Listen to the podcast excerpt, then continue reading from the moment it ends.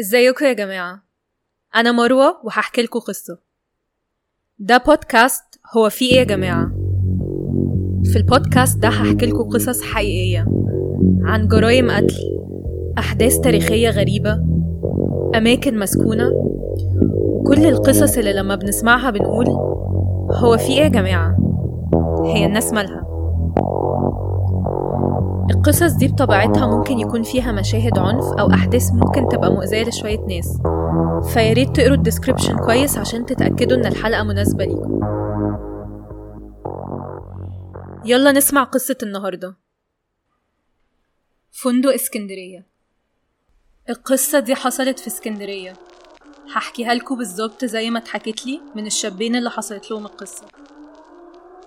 في فبراير 2009 كان في شابين في العشرينات من عمرهم وما كانوش من سكان اسكندرية. كانوا رايحين هناك عشان عندهم شغل. خلصوا الشغل اللي خد منهم كام يوم بعدين قرروا يقعدوا يومين كمان. وكانوا محتاجين أوتيل يباتوا فيه. واحد صاحبهم كان لسه قبلهم في اسكندرية في الصيف رشح لهم الأوتيل اللي قعد فيه.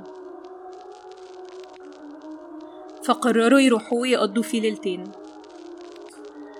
عادة لما بنروح فندق بنبقى شايلين هم إن المكان ما يكونش نظيف. الأوضة ما تكونش مريحة. الأكل يبقى وحش. أقصى حاجة إن حاجتنا ما تكونش في أمان أما نسيبها في الأوضة.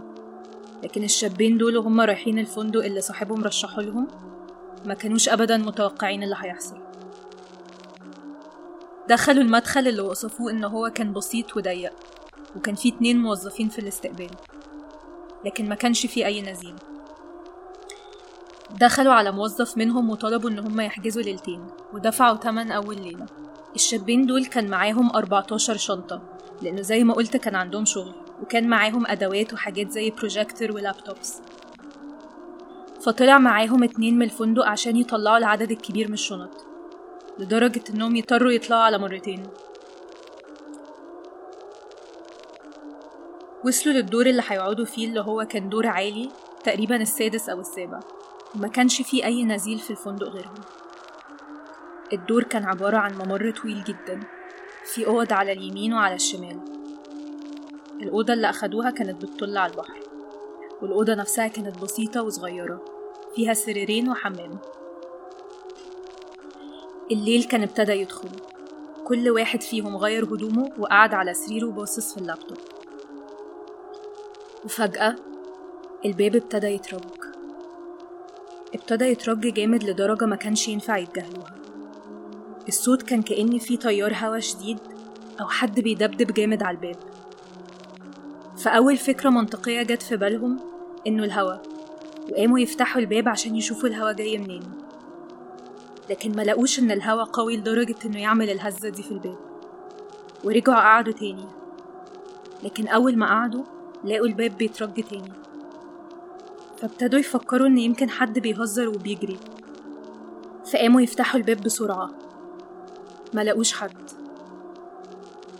غير إنه لما فكروا فيها الممر كان ضيق جدا ومفيهوش مكان حد يستخبى. ومين اللي هيستخبى؟ وهما من ساعة ما دخلوا ما شافوش نزيل غيرهم في الفندق.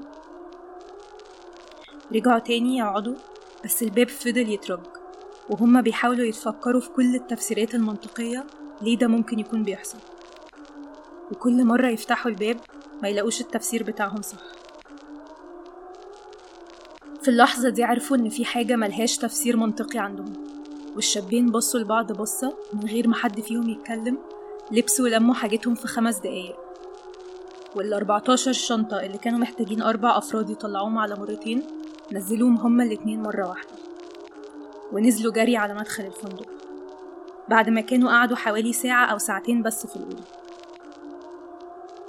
لكن الغريب إن الراجلين اللي كانوا في الريسبشن ما وقفوهمش وما سألوهمش هما رايحين فين وليه نزلوا بعد ساعة بكل شنطهم وهم حاجزين ليلتين الراجلين دول فضلوا واقفين من غير ما يحركوا أي حاجة وكأنهم صنم الشابين مشوا وما رجعوش تاني.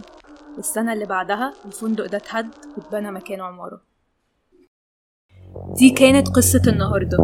لو عجبتكم أو حسيتوا إنكم عايزين تقولوا هو في إيه يا جماعة يبقى ما تنسوش تعملوا like و subscribe و share واستنوا القصة الجاية.